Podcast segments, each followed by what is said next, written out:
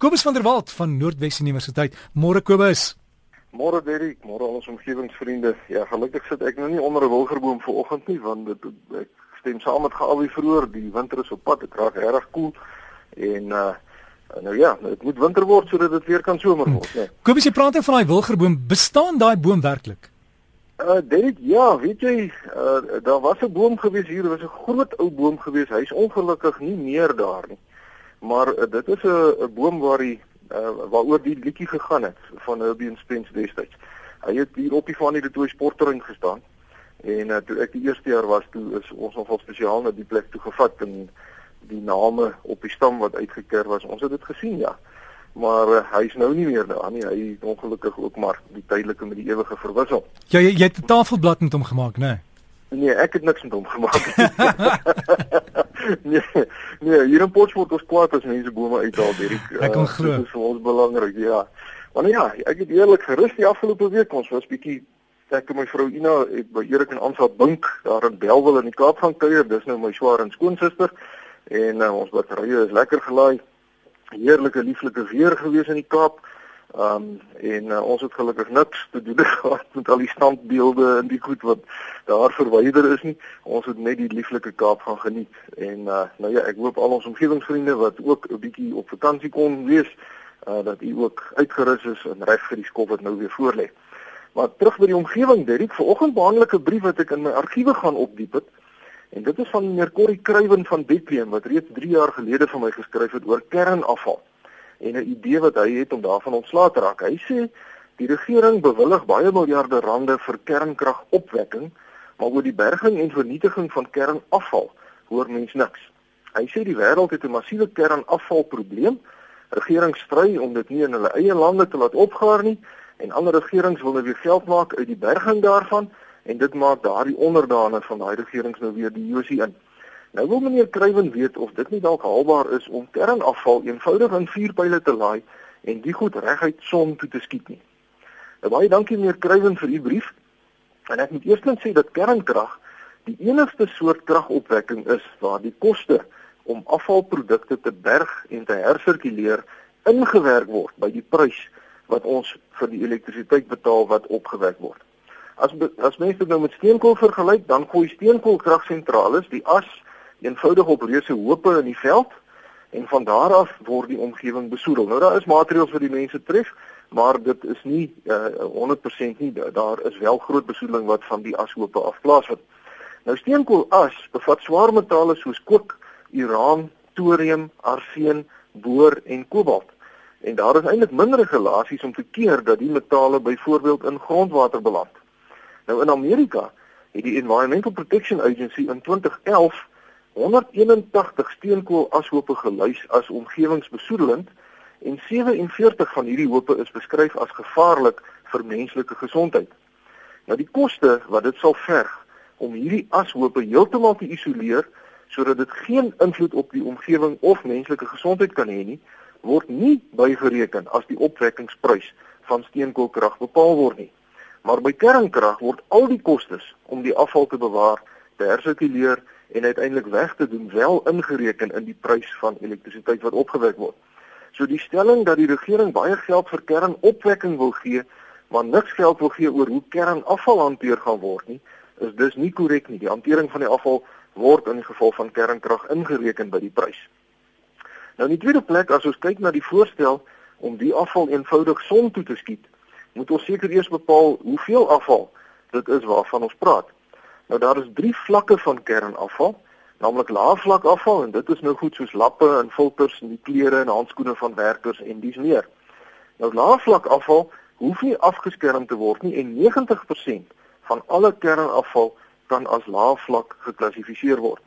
Hierdie 90% afval bevat slegs 1% van die radioaktiwiteit en dit word baie keer saamgepers of verbrand om die volume kleiner te maak en dan kan dit eenvoudig in afvalstortingsterreine begrawe word omdat die radioaktiwiteit daarvan baie keer minder is as die natuurlike radioaktiwiteit van die omgewing. Nou die tweede tipe kernafval is medium vlak afval en dit is meer radioaktief sodat afskerming wel nodig is. En dit bestaan tipies uit harse, chemiese slukmengsels en metale wat oorbly as 'n reaktor afgebreek word. Nou hierdie tipe afval word gewoonlik met beton gemeng en dan weggedoen in spesiaal voorbereide en afgeskermde stortingsterreine soos byvoorbeeld by valpits. Nou die volume van die medium vlak afval is omtrent 7% van alle kernafval en dit bevat omtrent 4% van die radioaktiwiteit. En dan die derde tipe afval is hoë vlak afval wat die hoogs radioaktiewe oorblyfsels is van kernbrandstof self. Nou hierdie tipe afval bevat omtrent 95% van al die radioaktiwiteit maar die volume daarvan is maar slegs 3% van al die afval. Nou as het, as ons dit nou omskakel in tonne maak, dan produseer alle reaktors in die wêreld gesamentlik jaarliks omtrent 250 000 ton lae en medium vlak afval, maar slegs omtrent 12 000 ton hoë vlak afval. Nou om dit in perspektief te plaas, 'n tipiese 100 megawatt kernreaktor genereer net 27 ton hoë vlak afval per jaar teenoor 'n steenkoolkragstasie se 400 000 ton afval per jaar. 27 teen 400 000. Uh en die as van die steenkool word bloot op hope gegooi waarvan dan daar dan in gevalle ernstige omgewingsbesoedeling voorkom. En dan praat ons nou nog eers van die suurmynwaterprobleem en al die ander besoedelingsprobleme wat gepaard gaan met uitgewerkte steenkoolmyne nie. Nou in baie gevalle word die 27 ton kernafval wat elke reaktor nou produseer ook nog gehersirkuleer en die uran en plutonium in die afval word uitgehaal om nuwe brandstofstawe van te maak en die hoeveelheid hoëvlak afval wat dan oorbly is maar omtrent 4 ton per jaar. Nou hierdie afval word tans dan in 'n tipe Pyrex glas ingesmelt, in vlekvrye staalhouers ingegiet en dan by spesiaal voorbereide terreine weggedoen. En tans is die tegnologie wat gebruik word dat dit baie diep in geologies stabiele areas van die aarde geberg word.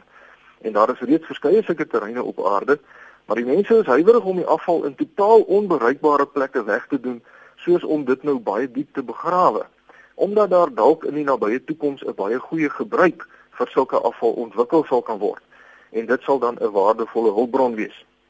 So om op te som, al die kernreaktors op aarde produseer in die orde van 'n 100 000 ton medium en hoë vlak afval per jaar wat spesiale hantering verg en tot dusver slaag die kernindustrie baie beter daarin om die invloede op die omgewing te beperk as wat die fossielbrandstofindustrie daarin slaag.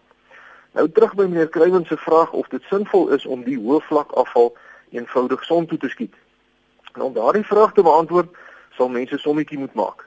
Nou tans as ons die Suid-Afrikaansgebore Elon Musk se SpaceX Falcon Heavy boosters gebruik, want dit is tans die die goedkoopste vuurpyle as mense iets in die ruimte wil kry sal dit ons in die orde van 100 miljoen Amerikaanse dollar kos om 53 ton kernafval in 'n wentelbaan van 200 km hoog te plaas. Nou teen die huidige wisselkoers is dit so bietjie meer as 'n miljard rand. Nou daarna sal die afval nog verder versnel moet word om die aantrekkingskrag van die aarde te oorkom wat natuurlik 'n verdere koste sal meebring. Nou as ons al 12000 ton hoëvlak afval op hierdie wyse wil hanteer, sal ons omtrent 226 sulke vuurpyle per jaar moet lanseer. Nou benewens die geweldige koste daaraan verbonde, moet mense ook dink aan die moontlike risiko daaraan verbonde. Want dit is so dat vuurpyle baie meer betroubaar en veiliger is as in die verlede, maar as daar iets sou fout gaan met een so 'n vuurpyl met 53 ton hoë vlak kernafval aan boord en die ding sou ontplof, dan sal dit 'n baie groter ramp wees as Chernobyl en Fukushima gesamentlik. So my siening van die saak is daarom dat meneer Kruiven se idee nie sal werk nie en ek dink ook nie dit is nodig nie. Die kernindustrie word wêreldwyd uitstekend gereguleer en hulle slaag daarin om vir die wêreld energie op te wek sonder om die omgewing te vernietig in die proses. En verder is dit die enigste kragbron waar alle kostes by die prys van die produk ingereken word en dit sluit die koste in om op 'n verantwoordelike manier van die kernafval ontslae te raak. Ek is 'n baie groot voorstander van groen energiebronne, maar die realiteit is dat son- en windkrag tans nog nie in staat is om aan al ons energiebehoeftes te voorsien nie en daarom het ons 'n ander kragbron ook nodig en as mense nou al die voordele en nadele te mekaar opweeg, is kernkrag 'n baie beter opsie as enige fossiel brandstof, steenkool, olie of aardgas om elektrisiteit mee op te wek. En die afval wat geproduseer word, het 'n baie kleiner invloed op die omgewing as die berge steenkoolas en al die koolstofdioksied wat met steenkoolkragstasies gepaard gaan. Omgewingsvriende, daarmee moet ek afsluit. Vir die van u wat dalk op pad terug huis toe is na die vakansie, ry tog asseblief versigtig en kom tog veilig by die huis. Ons lees in die media van die slagting op die paaie. En net so terloops, Dirk, ek het nou gisterand van Lanseria af teruggery Potchefstroom toe en dit het my weer opgeval hoe swak ons motors, die voertuie op die paaie se ligte is. So as die minister van vervoer ernstig is daaroor om die slagting op die paaie 'n bietjie minder te maak, dink ek dit sal 'n goeie ding wees dat uh, die ons verkeersmanne 'n slag in die aande 'n bietjie oplet na motors en vragmotors se ligte. Die goed verblind jou of of hulle is half dood of die goed skyn windskeef. Uh, dit is elke tweede derde voertuig se ligte is in 'n toestand en dit maak dit eintlik lewensgevaarlik in sommige omstandighede om te ry op ons paaie. Skryf gerus vir my, my e-posadres is kobus.vanderwalt@nwu.ac.za of u kan my kry by die fakulteit Natuurwetenskappe Noordwes Universiteit Potchefstroom 2520. Vriendelike groete tot 'n volgende keer. So gesels ons met Kobus van der Walt e-posadres kobus.vanderwalt by nwu.ac.za.